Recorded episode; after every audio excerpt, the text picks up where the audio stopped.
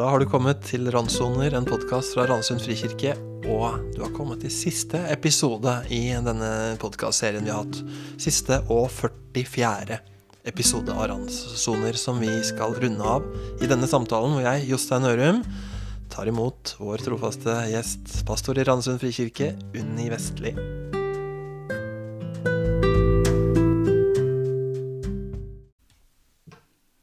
Det er ingenting som uh, varer evig, Unni.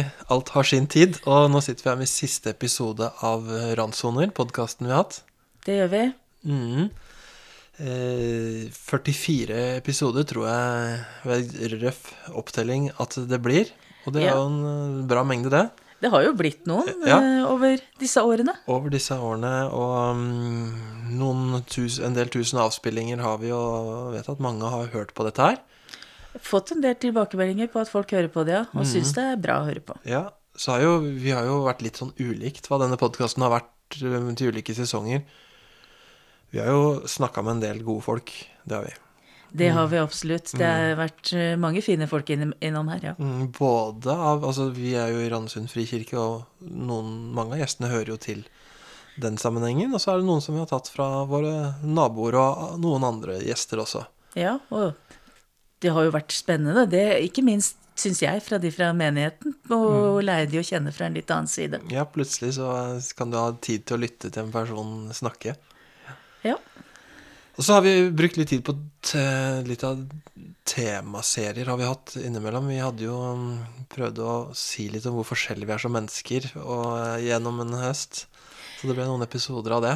Ja, når vi snakker om ulike måter å møte Gud på. Ja, de på. hellige veiene, ja. Og så Ja. prøvde å tegne opp at det er greit at vi er ulike, og uh, det å forstå at uh, det er ikke sikkert at alle nødvendigvis skal like det samme, og ha samme måte å uttrykke seg på. Nei, at Gud faktisk har skapt oss forskjellige, for å kunne møte eller, Og derfor så møtes vi på forskjellige Ja. måter, ja.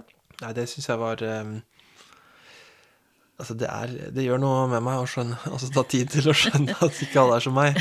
Ja. Ja, og det er, det er jo så nyttig øvelse. Mm. Og så har vi jo nå i siste brukt eh, Så disse episodene, alle de vi snakker om nå, de ligger jo ute. De finner man på Spotify, og der du hører denne Der du har funnet podkast i dag, og alle andre steder. Så disse episodene vil jo bli liggende der.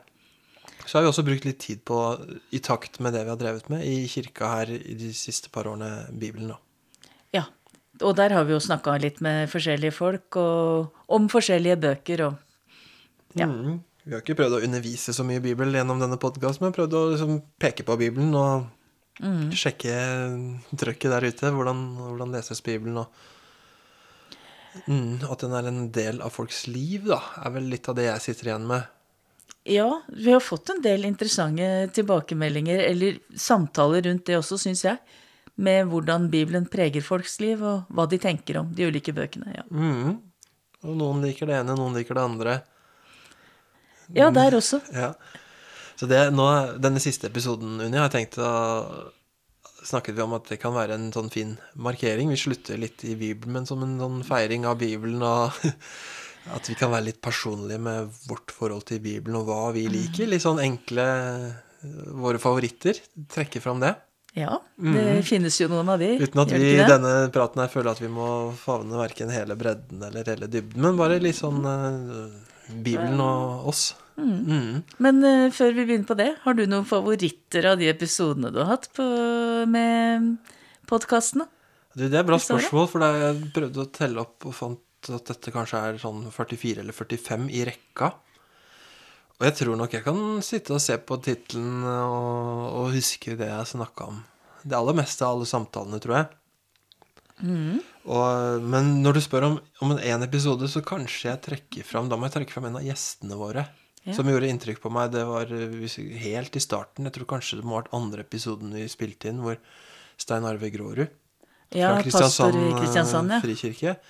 Kom og var gjest, og det gjorde inntrykk på meg. Han eh, har en historie som er veldig ulik min, og har hatt en del eh, hendelser av både mørke og, og lys fletta i hverandre der, som jeg syns var veldig rørende.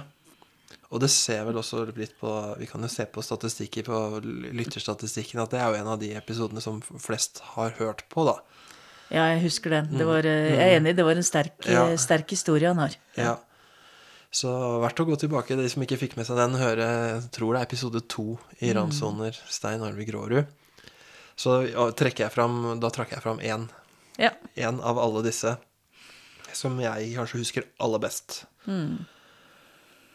Mm, og så sitter vi her eh, på en måte ved veis ende av denne podkastserien, men eh, det er Det tror jeg er fint at ting ikke ruller og går for alltid også. Og nå har denne hatt sin tid, og vi har brukt mye tid på Bibelen. Bibelen har vært innom nesten uansett eh, hvilken fasong vi har hatt, og hvilke gjester vi har hatt, og hvilket tema og overskrift vi har hatt for samtalen. Så måte, det har vært en sånn slags fellesnevner i Bibelen, da. Ja. Vi har holdt på nå i um, halvannet år med å snakke om Bibelen. Har litt igjen. Har et halvt år igjen før vi er på en måte gjennom hver bok i Bibelen på gudstjenestene. Men har jo, vi har jo hatt lyst til å peke litt på Bibelen, i hvert fall. Hva har det gjort med deg, Unni? Oi, det har gjort mye med meg. Eh, ikke minst eh, i fjor når vi snakka om Gamletestamentet og gikk gjennom Gamletestamentets bøker. Eh, jeg har alltid vært glad i hele Bibelen, jeg. Eh, og vært av de som har lest mye i Gamletestamentet også. Men eh, å skulle undervise over bøker som Forkynneren eller Dommernes bok, og måtte gå inn og, og se Har disse bøkene noe å si til meg i dag? Er det bare rare, gamle historier? Ja. Det har gjort mye med meg. Det har, det har vist meg en dybde og en rikdom i Bibelen som eh, faktisk er blitt ny for meg. Dybde og rikdom, og kanskje sammenheng også. At, uh, at disse bøkene henger sammen. Altså peker på hverandre. Bøker i Gamle testamentet peker på nye og nye testamentlige bøker peker på gamle og Ja, og, og ja, den helheten som, som er så viktig. eh, og ikke minst hvor vanskelig det er å forstå Nytestamentet uten å kjenne til eh, mye av det som står i Gamle testamentet. Det er ikke det at man ikke kan forstå Jesus og få utbytte av historiene, og, og man bare kan Nytestamentet også, men eh, hvor mye mer det ligger under, da, hvis man har gamle også. Ja, nemlig. Mm. Så det. Har det gjort noe med deg, Jostein? Ja, det er litt det jeg snakker om nå, tror jeg, med den sammenhengen. Si at det er vevd i hop, altså alt sammen. Og så, ja, at um, For vi, har jo, vi lager jo også et studieopplegg da, som vi finner på nettsidene våre, og som vi prøver å distribuere ut til de som vil fordype seg litt og snakke om i, i bibelgrupper og sånn. Og der har vi jo prøvd å peke på hva sier denne boka Altså hva sier Gammeltestamentet om denne nytestamentlige boka, og motsatt. Altså Det går liksom piler på kryss og tvers i Bibelen. da Hvis du sånn, lukker øynene og ser hvor det er Bibelen som et sånn visuelt eh, sånn kart med piler som går hit og dit, så er, så er det sånn. Så det er, eh, så det er det ene. Det andre er jo at det er rett og slett eh, hva skal jeg si, et frynsegode vår jobb å ja. måtte eh, sette seg ned og så grave litt dypere i en bibelsk bok enn det jeg ville gjort hvis jeg bare hadde støtt på den i bibelleseplanen hjemme. da. Helt enig. Ja. Det er et, det er et frynsegode. Ja. Vi har ikke så mange av de, men det har vi. ja, ja, ikke sant. Så jeg håper kanskje at når vi snakker om Bibelen, at flere kan Altså når vi ser på det sånn i sammenheng, at flere kan bli oppmuntra til at man kan rett og slett sette seg ned, så finner man ting der som man ikke så ved første gjennomlesning, og kanskje ikke andre engang. Altså at det, det ligger noe her. Det, I, I avsnittet vi kanskje har bare hoppa veldig fort over tidligere, så jo, her er det masse mening og dyp. det er vel kanskje det som er noe av håpet vårt, at folk skal greie å finne ut av, finne ut av akkurat det. Og syns det er mer interessant å lese Bibelen. Ja.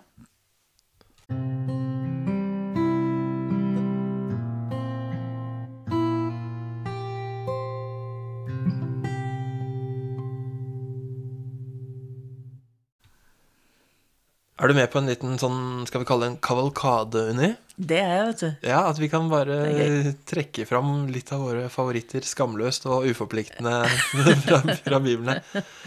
Ja, det blir jo litt magefølelse på det, men Ja, ja. For Bibelen er jo masse ting. Den er jo 66 ulike bøker og en hel haug med sjangere. Og ulike tider. Ulike tider er skrevet Altså, det er ført i Handlingen er jo over kjempemange tusen år, men nedskrivningen er jo også over 1100-1200 år. Altså, man er jo ikke helt en, sikre på alt dette, for det, siden det er så langt tilbake i tid. Men det er jo mange ulike forfattere, og så er det Her er det det er, altså, det er klagesanger, det er liksom mer øh, kjærlighetsnoveller, det er øh, dikt, det er bønner, det er ramsalte profetier og moralske pekefingre, det er glimt inn i framtiden, det er øh, krigshistorie, det er storpolitikk, og det er småpolitikk. Det er på en måte livet i Jerusalem skildres jo ganske mye. Det er eh, nærmest en som fire romaner å regne om eh, Jesus fra Nasaret. Små romaner, riktignok. men, eh, Og en, en bok om de første kristne. Det er brever. Det er veldig um, ulikt. Det er det. Hvor Altså, hvis jeg skal spørre deg Hvilken av alle disse sjangerne er du aller mest hjemme i? Hvilken liker du best å lese? Oi. Ja, det er, det er ikke et sånt Det er faktisk ikke et helt opplagt og lett spørsmål for meg å svare på. Nei? Eh, jeg frista til å si slektslistene, da. Ja, ja de, de glemte jeg å si i oppramsinga, fordi eh, jeg var jo glad i det som barn. Ja, det er nydelig. Ja, Men eh, jeg tror ikke det er favoritten min nå. nei, nei. Eh, men Nei, hvis jeg skal velge, så er nok altså Fortellingssjangeren er nok Altså der jeg Det jeg liker best. Eh, der hvor jeg kan lese historier om mennesker og menneskers møter med Gud. eh, Guds møter med mennesker. eh, hva det gjør med de, hvordan de agerer på det. Eh, eh, det som jeg Kanskje det handler noe om en forståelse. Altså, fortellingen kan jeg gå inn i, kjenne meg igjen i, eh, forstå sammenhengen i. Eh, så jeg, jeg, tror nok at det er, det, er der jeg, det er der jeg liker meg best, holdt jeg på å si. Mm, fortell, det er mange typer fortellinger. Noen snakker om liksom, asyrkongen som kommer og angriper og beleirer eh, Judea Ja. og sånn. Det er en type fortelling. Eller så har vi fortellingen om Ruth. En Ja. liten bare novelle om én kvinne i historien. Og hennes få eh, relasjoner. Eller så har vi jo fortellinger om eh, rundt tempelet, Jerusalem og oppbygning. Der er det veldig forskjellig hvor eh, Hva er drømmesetupet for eh, en fortelling for deg, ja? For meg I hvor i tid? Hvor i bibelfortellingen? Hvor i tidslinja? Oi. Ja, hvor i tidslinja? Den Det tror jeg kan være hvor som helst. Ja. Um, Men der hvor jeg går inn i enkeltmenneskers fortelling, en persons fortelling, eh, og en persons eh, relasjoner eller handlinger i en bestemt situasjon, eh, er nok der jeg det jeg liker best. Altså, du må ha litt sånn farge på enkeltpersonen. Du må, Ja. Bibelbøkene må røpe litt sånn detaljer om situasjonen og sånn. Ja, Hvis de kan fortelle meg litt, eh, røpe litt om hvem dette mennesket var, Ja. eh, hvordan det tenkte, så kan det sette min fantasi i spill. Og det liker jeg jo. Har du noen eks Også- eksempler på en sånn opplevelse, en sånn historie som har de fargene du liker der? Ja, altså, En av de aller beste er jo fortellingen om jordmødrene i Egypt. Den tror jeg jeg har vært inne på her før, i podkasten ja, her. Ja. Eh, hvor disse to, eh, Pua og Shifra, de er jo til og med navngitt i Bibelen, ja. eh, får beskjed farao, kongen i Egypt, eh, at eh, de skal drepe alle guttebarn som blir født. Når barna blir født, skal de se på dem. Hvis det er et guttebarn, skal de drepe dem. Er det et jentebarn, skal de la dem få leve opp. Det er faraos plan for å begrense befolkningsveksten. Og så velger de å ikke gjøre det. De velger å la være å drepe guttebarn, og de sier til farao at nei, jordme, nei barna, folka i Egypt Nei, hebreerne. Hebreerne. De er så annerledes enn egypterne, så de føder så fort, så vi rekker det ikke. Det er skikkelig tynn uh, løgn. Veldig tynn løgn, men den kjøpes, da. Ja, På en eller annen måte. ja, Eh, tror jeg. ja. Eh, I hvert fall så redder de guttebarna, for de lar være å følge faraos ordre. Og så sier de, for vi frykter Herren Gud mer enn vi frykter farao. Og da har jeg jo en hel historie. ja for der er, der er det en sånn fortelling som er både litt sånn kuriøs, litt morsom, Ja. Litt action nærmest, Ja. dramatisk. Samtidig så er det, det er jo et litt sånn poeng her. Det går jo an å på en måte finne en eller annen styrke, eller Kan Litt trekke mye ut av den, og Ja. du kan, jeg kan sitte og fundere på eh, eh, hva var det de hadde lært om Gud som gjorde at de frykta Gud mer enn de frykta farao? Eh, og hvor ville jeg vært i en sånn situasjon? Har jeg lært meg å frykte Gud mer enn eh, mennesker? Så jeg overfører jo ofte fortellingene til mitt eget liv. Ja. Hvilken styrke trengte de for å stå opp mot eh, en mektig konge? De hadde kanskje ikke noen jordmorforbund til å jobbe for seg at eh, si at dette står ikke i vår lønnsavtale, at vi skal drepe guttebarna. Spørs nok det, om de ikke hadde så mye De hadde nok ikke så mye å stille opp med. Og vi vet jo ikke åssen det gikk med jordmødrene heller. Nei. Det kan godt hende de ble drept av farao Mm. for dette. Ja. Vi vet at de fikk mange etterkommere. Mm. Ja. Så det Ja. Så. Men eh, det var litt om hva jeg liker, Jostein. Men du, da? Um, altså det er jo noe med historiene for meg også. Helt fra jeg var liten, så har jeg blitt veldig dratt mot fortellingene uten å nødvendigvis eh, vite hvorfor. Og først var det jo barnebibelformen, hvor jeg kunne få historien om Abraham og Isak og, historie med Lot. Husker jeg Brorsønnen Lot var et sånt ord jeg, husker fra jeg var liten. Brorsønn, det, det står vel ikke i Bibelen nå, men Abrahams nevø. Brorsønn som Og David, så jeg får meg bildet av David som måtte bøye seg unna Saul sitt sverd når han spiller harpe for han fra barnebibelen, som jeg har fortsatt liggende på framme i mitt kontor, da, arbeidsrom hjemme. Um, og um, altså fortellingene sånn uten at jeg Det tok jo kjempelenge. Jeg hadde jo ikke noe reflektert forhold til hva fortellingen betydde. Men uh, fortellingen om Så jeg var egentlig veldig glad i Gamle testamentets fortellinger. Og Ja. ofte hatt sett på det som en sånn Ikke sånn veldig oppgave, men en slags oppgave å få de fram, også Gamle testamentets fortellinger. At uh, Bibelen er også et Gamle testamentet. Hva var, det, hva var det som fascinerte deg i de fortellingene? Jeg tenkte eh, Det blir liksom den voksnes blikk på barnet her nå. Eh, som ikke husker alle følelser og sånn, men det er jo en slags univers der ute da, som, eh, som fins. Og for meg var det reelt. Altså, jeg leste jo ikke fortellingene som eventyr. Jeg leste ikke som på en måte, sånn måte som jeg leste tegneserier om Onkel Skrue. Eller, altså, det var en sånn fornemmelse, da. At dette angår meg. Det ville jeg ikke sagt da, men altså, det, var, det må jo være for, fornemmelse av liksom alvor. Og, men at det var veldig lystbetont med de fortellingene også. Um, så Nei, så, så, så, så gjennom, gjennom fortellingene om da Guds folk på en eller annen måte eh, Hvordan de har løst problemer og ridd av stormer, og kanskje ikke klart å ri av stormer, for den saks skyld, men um, så har det vært um, Liksom summen av alle de, altså. Summen av en uh, David og Salomo og Caleb og Josva, Moses, um, Abraham som nevnt, og hans, eh, alt rotet han stelte i stand.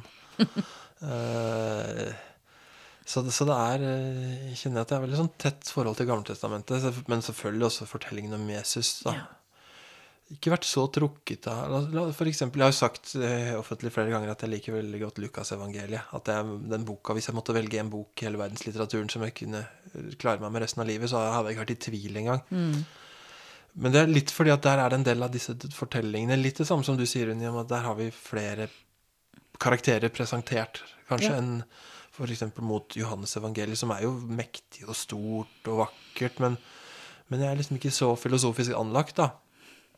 Som, men, men Lukas som har mange av disse fortellingene, og mange fortellinger som ikke fins andre st- evangelier, som, som jeg liker å se for meg. og ikke bare med liksom barnebiblenes bilde inni meg fortsatt, men også hvordan det er jo jeg altså Jeg kjenner at det er plass til meg i de fortellingene. Det er det som er spennende, tenker jeg. Så etter hvert som jeg har gått fra barnebibler til å eh, Altså bibler uten bilder, nærmest. Altså bibelteksten som det er i sin fylde, og lese den sånn at det er, jeg kan gå inn i de fortellingene. Og det det kan man også gjøre i apostlenes gjerninger. Jeg syns det er helt fantastisk. Jeg, Jeg hadde jo som mål i studietida å bli sånn superekspert på apostlenes gjerninger. Sier du det? Så jeg var veldig, veldig trukket mot det, da. Og de første kristne og alt som, alt som ble ut av deres liv. Og, um, så, men, men, men særlig altså, fortellinger hvor Jesus er i spill da, i Bibelen, hvor Jesus møter mennesker. Så å bytte meg selv ut med disse menneskene har vært veldig Det syns jeg har vært fint. Så det er noe med den, den gjenkjennbarheten, ditt eget liv i møte med fortellingene. Eh, både fra du var barn, og nå som du er voksen. Ja, jeg tror det. Og samtidig så er det også det derre som kanskje ingen har lært meg. Jeg kan ikke huske at noen sa det til meg en gang, med hva er Bibelen? Men på en eller annen måte kommer en sånn Altså Det er jo dette som kanskje ikke er så lett å forklare da til folk som har et annet, annet distansert forhold til Bibelen. Men det at når vi leser en gammel bok, ord som er skrevet ned eller sagt, uttalt for kanskje da 2000 år siden, eller 3000 år siden til og med, eller så er det ord som som jeg som bibelleser kan tenke at det er ord som gjelder i dag også. Altså Det er ord som av en eller annen grunn eh, kan sprette, vokse ut av sidene og så komme til meg. Det er noe rart med Bibelen der, da. At det er, eh, det er levende litteratur, det er levende ord. Ja. Så, som eh, Ja, på en eller annen måte at det angår meg. Så det er, det er en sånn derre Ja. Ja, jeg kjenner igjen det der sånn. Det med Mm. den, den litt sånn undringa over at dette faktisk ble skrevet uh, for så lenge sia. Mm. Og så går det rett inn i hverdagslivet. Midt i dag. Ja. Hvis du måtte velge en bok, da? En favorittbok i Bibelen? En favorittbok. Eh, Rive ut eh, alle de andre og stå igjen med én bok. Stå igjen med en bok. Jeg tror det ville vært Feserbrevet. Ja. Eh, Paulus brev til feserne. Mm. Og altså Veldig mye sånt handler jo om eh, hva du har fått lære. Så jeg tror jeg en gang fikk en ganske grundig undervisning Ja. rundt hele Efeserbrevet. Og så ble det på en måte åpna opp for meg, og så Ja. ser jeg mye i det. Og ikke minst uh, innledninga der, som forteller så mye om hvem, hvem jeg faktisk er. Altså, Mm, i Kristus. ja.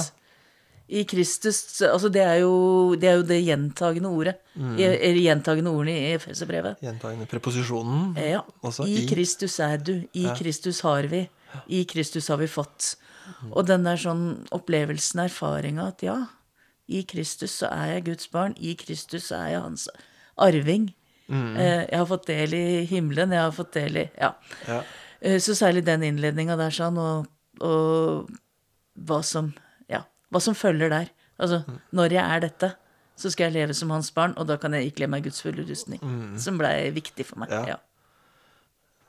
Så det er jo ikke en lang bok, men jeg tror faktisk det er eh, Det er å Yndlingsboka mi. Ja, ja. ja, det er fin. Så Og hvis jeg skulle hatt med noe fra Gamle testamentet, Ja. så tror jeg faktisk det ville vært de første tolv kapitlene i mm, Første Mosebok. ja. Eh, de fikk jeg en enda dypere forståelse av når jeg underviste Første, første Mosebok Ja. for lenge siden i kirka her. Det man Eh. kaller urhistorien? urhistorien. Urhistorien. Og det er jo ikke fordi at eh, Altså, jeg tror jo ikke at urhistorien er en historisk gjenfortelling av hva som faktisk skjedde, nødvendigvis. Men den danner grunnlaget for hele mitt livssyn. Det der sånn med å skjønne at det danner det som står her, er faktisk grunnlaget for hvordan jeg ser på livet. Eh, det var, var nesten en ny opplevelse for meg at det var så tydelig. Ja. Nesten en ny opplevelse. Når du snakker om det, høres det ut som en ny opplevelse. Ja. Ja, det var, det var en ny Ja, opplevelse. altså, ja. Det du snakker om, er den fortell... Det som skjedde før Før Bibelen zoomer inn på én person, Ja. Abra Abraham og hans eh, slekt og etterkommere. Riktig. Mye rart der. Det er Noah, og det er flod, og det er tårn i Babel, og det er kjemper på jorden, og det er eh, Edens hage, osv. mange underlige ting, og det er derfor jeg sier altså ikke nødvendigvis at jeg tenker at dette er historisk grunnlag for å si det sånn, men det, det, det gir meg bildene på, på hvordan verdensbildet og synet på verden Altså dette med at det er en skaper som har skapt ting som er godt, at det finnes noe som er ondt, som har ødelagt det, eh, og hva det gjør for noe med oss, på en måte. Og hvordan Gud hele tiden søker å komme oss i møte. Mm, og at det er villet av At det er Gud. villet, ja. Det er ikke tilfeldig. Det er ikke noe tilfeldig. Nei. Grunnfortelling. Er det noe som kan kalles grunnfortelling, Ja. så er det det. Ja. Ja.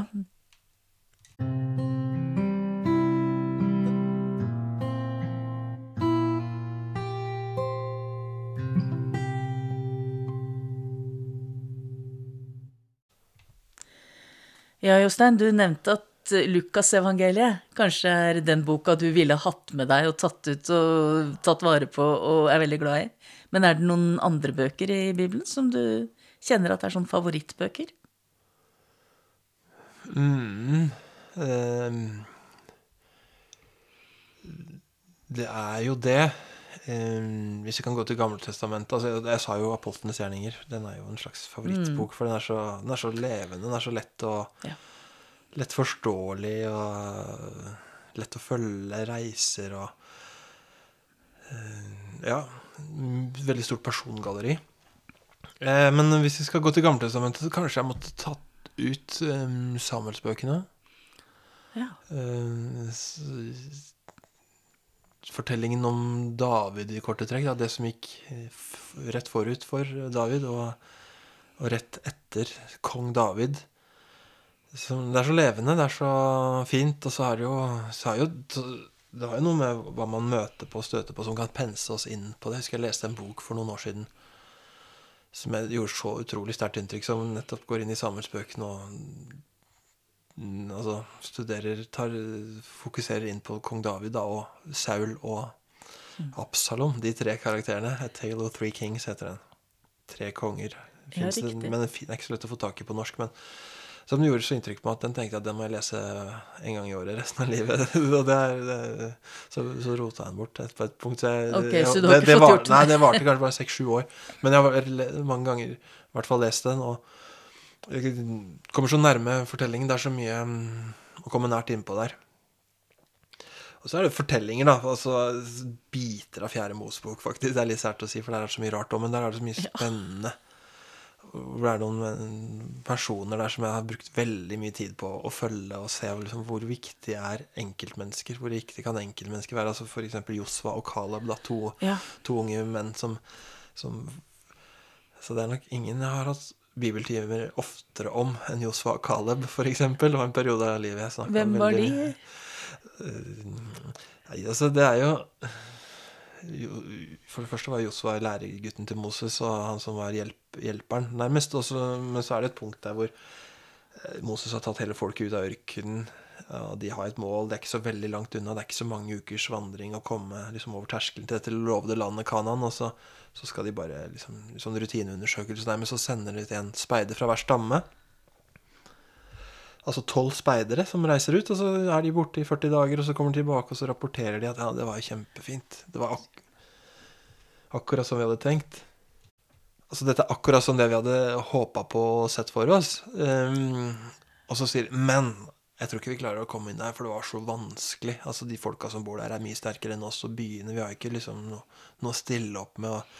Vi, vi reiser tilbake vi, Vår anbefaling er at vi reiser tilbake til Egypt, der vi kommer fra Til slaveri. til slaveriet. Det er jo ti, ti da, for en lang historie kort, ti av disse speiderne sier det. Og, men Josfa og Caleb sier nei, Gud har sagt det, vi kommer til å klare det. Og de trygler folket Det er et godt land, og vi, ved Guds hjelp så skal det bli vårt. Og så nei, vi, det kommer ikke til å gå, har ikke sjans, sier de. Og så de ti speiderne får folket med seg, da, og så da og det er jo det som er grunnen til at de må gå 40 år ekstra i ørken som en sånn straff. Som er litt, kan se litt urettferdig ut, men i hvert fall det er et veldig drama der, da. Ja, det er Og jeg er så fascinert av hvor viktig Altså hvor, hvordan vi ser på livet. Hvor viktig det er liksom De valgte oss, to valgte å se på verden med Guds øyne, og um, de resten valgte å se på det med ja, sannsynlighet og menneskelige målestokker osv. Så, videre, så for eksempel en sånn historie har fascinert meg veldig. Når man går inn og ser på enkeltmenneskenes plass i det store dramaet. da. ja. Men, men da er vi på, på enkeltmennesker. Gi oss noen av dine favoritter, Unni. En eller to eller tre av dine fra det enorme persongalleri som Bibelen har å by på. ja, for det er jo enormt. Ja. Uh, og jeg kunne jo plukka kjempemange. Mm. Eh, men en av de som jeg syns er veldig fascinerende, eh, og som kanskje ikke er blant de veldig store, eller som, som veldig lange fortellinger om, det er jo han som heter Naman. Som var en syrisk Her er vi i Gamle Testamentet, ikke sant? Nå er vi i Gamle Testamentet, nå er vi i annen kongebok. Mm. Eh, som rett og slett var en fiende av Israel. Og så, og så har, han, har han hudsykdom, og så blir han helbreda for den når han drar til profeten i Israel. Og det å lese historien om Naaman og se eh, det politiske spillet som ligger bakom, altså mellom konger som egentlig er i krig med hverandre, og hvordan kongen til Naaman egentlig sendte Naaman til Israel med, for å få et påskudd til å gå til angrep på Israel. Og så får han det ikke, fordi at Naman faktisk blir frisk når han er der. Ja. og, og se det spillet i det. Og så historien om Naman som, som går ut og sier, altså når han har blitt frisk, så tydelig sier 'jeg vil tilbe Gud'. Nå vil jeg bare tilbe den høyeste Gud. Ja. Men du profet, Ja. eh, er det Eli? Elisha. Elisha, ja. Jeg, Jeg, jeg Ja, blander alltid sammen de. Nå bare i farta så er det vel Elisha. Han uh, opplever mye gøy. Eh, ja, ikke sant? Eh, det er én ting jeg må ha lov til. Og det er når kongen ber meg om å bli med inn i avgudstempelet, og jeg skal bøye meg ned for han, eh, og, og jeg blir bedt om å bli med ned, så må jeg bøye meg ned for den guden. Det må den høyeste Gud tilgi meg. Ja. Og så sier profeten ja, gå i fred. Mm, Det er skikkelig realpolitikk. Ja, det, det er liksom sånn det, det er noe så utrolig fascinerende i hele Ja. historien. Og, Ja, og Naman, er en, ja. Naman er en uh, tøff fyr, altså. Ja, ja. Så han liker jeg. ja, han er ikke så mye um, Altså, han er ikke en A-kjendis. Nei, han er ikke det. Han er ikke det. Men, men jeg tror det Eh, også kan åpne seg hvis man da bare tar tid til hva denne fortellingen Ja, den, den har mange aspekter. Det er en sånn søndagsskolefortelling, tenker jeg. Det er ja. mange av oss som kjenner den lille tjenestegutten så- eller jenta som Uh, forteller at uh, han må dra til Israel, og gutt, tjenestegutten som sier du må dyppe deg, du må gjøre som han sier, gå og dypp deg i den elva Jordan, og alle de tingene der sånn. Men så har du disse aspektene her sånn i fortellinga som blir, blir uh, annerledes også. Ellers så er jeg jo veldig fascinert av den kvinnen som rørte ved kappa til Jesus, da Ja, navnløs. navnløs kvinne som hadde hatt en blødersykdom. tolv år, og som uh, sniker seg ut i folkemengden og tenker bare jeg får røre ved kappa til Jesus, så vil jeg bli, vil jeg bli frisk. Og så opplever hun å bli helbreda. Um, og, og hun er også en sånn fascinerende skikkelse for meg i, i måten uh, Vi tenker ofte at hun har en veldig stor tro. Fordi hun tenker bare jeg får røre ved kappa. Altså det er så lite. Og det har hun jo på en måte. Og samtidig så tenker jeg hun har en veldig beskytta tro. Fordi at hun kan snike seg ut i en folkemengde og røre ved kappa. Og blir hun ikke frisk, så er det ingen som trenger å vite det. Nei. Ingen trenger å vite at hun prøvde på det, at hun var så dum at hun faktisk trodde at hun kunne bli frisk. Mm. Så hun er på en måte beskytta i det også. Men så blir hun altså frisk, og så får hun et møte med Jesus. Eh, Som reiser henne opp. Så hun er jeg glad i. hun, hun kjenner jeg meg igjen i. Ja. Ja, ja, akkurat det jeg sier der, sånn den derre mm, Jeg kan prøve, men jeg lager meg noen sånne beskyttelsesmurer, sånn at ikke andre skal se at jeg tar feil. Hvis jeg gjør det. Og så tenker jeg Gud kan møte meg der òg. Likevel. Så det. Noen å kjenne seg igjen i, som du sa. Ja, igjen. Ja, er det noen du er glad i? Eller du har jo snakka om Altså, du liker jo Lukas fordi det er så stort persongalleri Ja, der. ja, ja. Uh, ja. Uh, så Lukas, personen, forfatteren Lukas skriver også apostlenes gjerninger, og jeg har jo nevnt noen ganger uh, på ulike måter at jeg liker godt en person som heter Barnabas. I apostlenes gjerninger jeg tror jeg brukte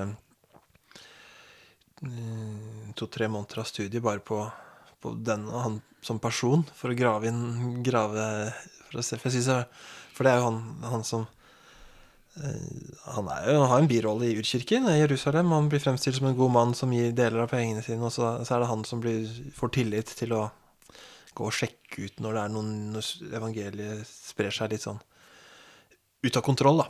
Da er det Barnabas som pekes ut til å på en måte gå god for det her, eller gi en vurdering av dette på vegne av kirka i Jerusalem, altså urkirken. Og så, mm, så ser han at dette er fint. Han gjenkjenner dette som dette er fint. Øh, han gleder seg over det Gud gjør, selv om han ikke har kontroll over det. Og ingen andre har kontroll over det, så gleder han seg. Og så Da drar han og henter inn Paulus, som egentlig er forsvunnet ut av historien på dette tidspunktet. Som, som jeg ikke har vært så klar over før. Men Paulus er jo egentlig ute av det. Han har hatt en dramatisk omvendelse, og så forsvinner han. Etter Ja. Det er faktisk ganske Ja. lang tid også. Ja, ja, veldig. Ti år, faktisk. Hvis man begynner å se, grave seg helt ned og se på tidshendelsen. Så ti år så er han antagelig hjemme og syr telt. da, Og så er det Barnabas som tenker at ja, men han der, han fyren der, han vil jeg ha inn igjen. Han, han hadde noe ved seg. Han, altså, han ser et potensial.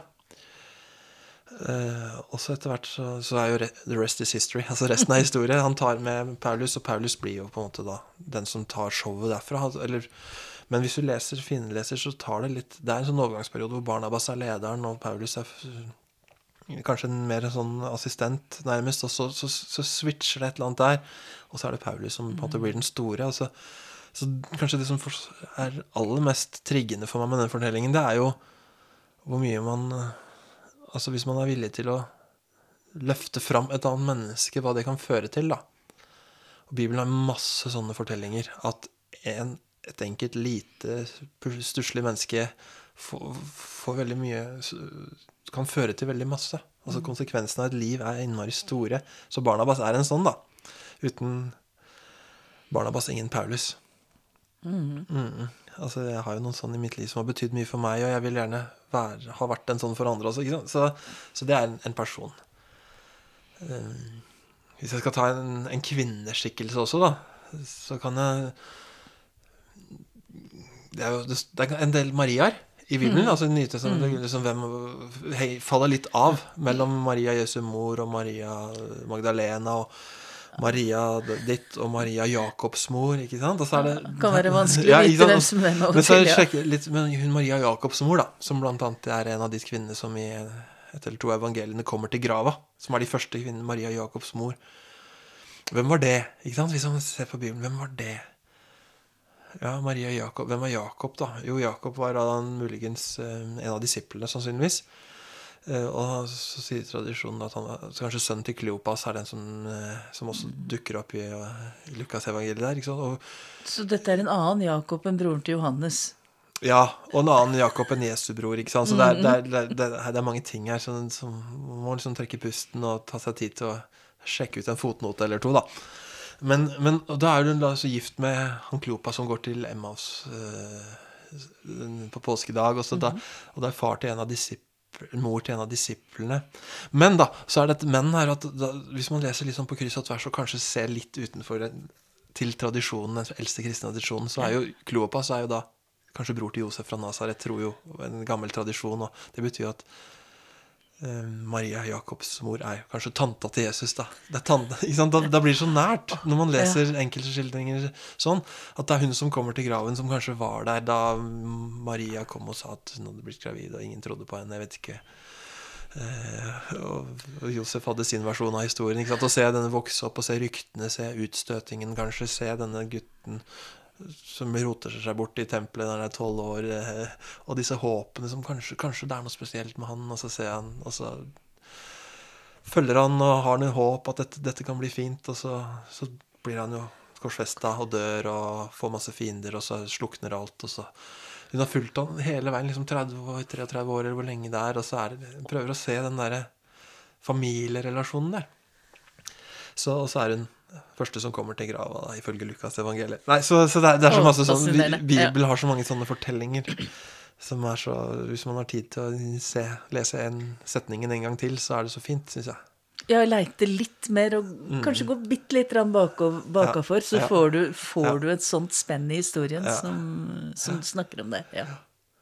Ja, altså, Vi snakker jo om Bibelen her litt, sånn, litt på kryss og tvers, nærmest. Men det vi gjør, er jo egentlig bare å hause opp Bibelen altså, ja. i, i denne siste episoden. Og vi, vi, vi skal jo eh, gå inn for landing her. Men hvis, jeg har lyst til å bare spørre deg også Har du et vers eller en sal, eller et avsnitt fra Bibelen som, som på en måte stikker seg litt ut for deg? Som du har lyst til å nevne, som du ikke har nevnt før?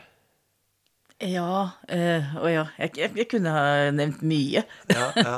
Veldig mye. En øh, Altså, det er ikke noe tvil. Yndlingsbibelverset mitt Hvis noen spør meg har du ett bibelvers som du holder fast på, og som er viktigst for deg, så er det mm, Johannes 1,5, Ja. der det står øh, 'Lyset skinner i mørket, og mørket har ikke overvunnet det'. Uh, og det er en sånn derre eh, Uansett hvor mørkt det er rundt meg, og uansett hvor mørkt det er inni meg, så er det der lyset skinner, og mørket har ikke overvunnet det. Altså, det er en sånn derre gripe fast i vers for meg. Ja. Uh, og det trenger jeg. Ofte. Å ha et sånt, sånt bibelvers å holde fast i. Så, så hvis jeg skal trekke fram ett vers Johannes 1,5. Johannes 1,5. Jeg kunne tatt et, et lignende, bare noen få linjer lenger ned, i samme åpningen av Johannes-evangeliet, som er et av de som, som er veldig helt grunnleggende i mitt liv. Det er ordet ble menneske og tok bolig blant oss. Altså Det er i vers 12 har vi kommet til, da. Sju vers seinere. Ordet ble menneske og tok bolig blant oss. At Gud ble menneske. Altså den tanken her. Gud ble menneske. Ble en av oss, tok bolig blant oss, slo opp teltet mellom oss, eh, slo seg ned i nabolaget vårt, eh, ble, fikk hud og hår. Og det er bare sånn Den tanken der, den kan jeg aldri bli ferdig med. Nei. Og hvilket, hvilket gudsbilde er det, liksom? ja. Så at. Gud ble sårbar og liten og født eh, altså, Der eh, Det er et av de versene som et det, er, nok, det, er, det er nok til å romme hele mitt liv, i hvert fall. Ja. Og hele evigheten, Ja. syns jeg. Ja. Ja, og da vi jo, er vi jo inne i Johannes-prologens, begge to, som er Som har forferdelig mye i seg. Mm. Ja. Har det.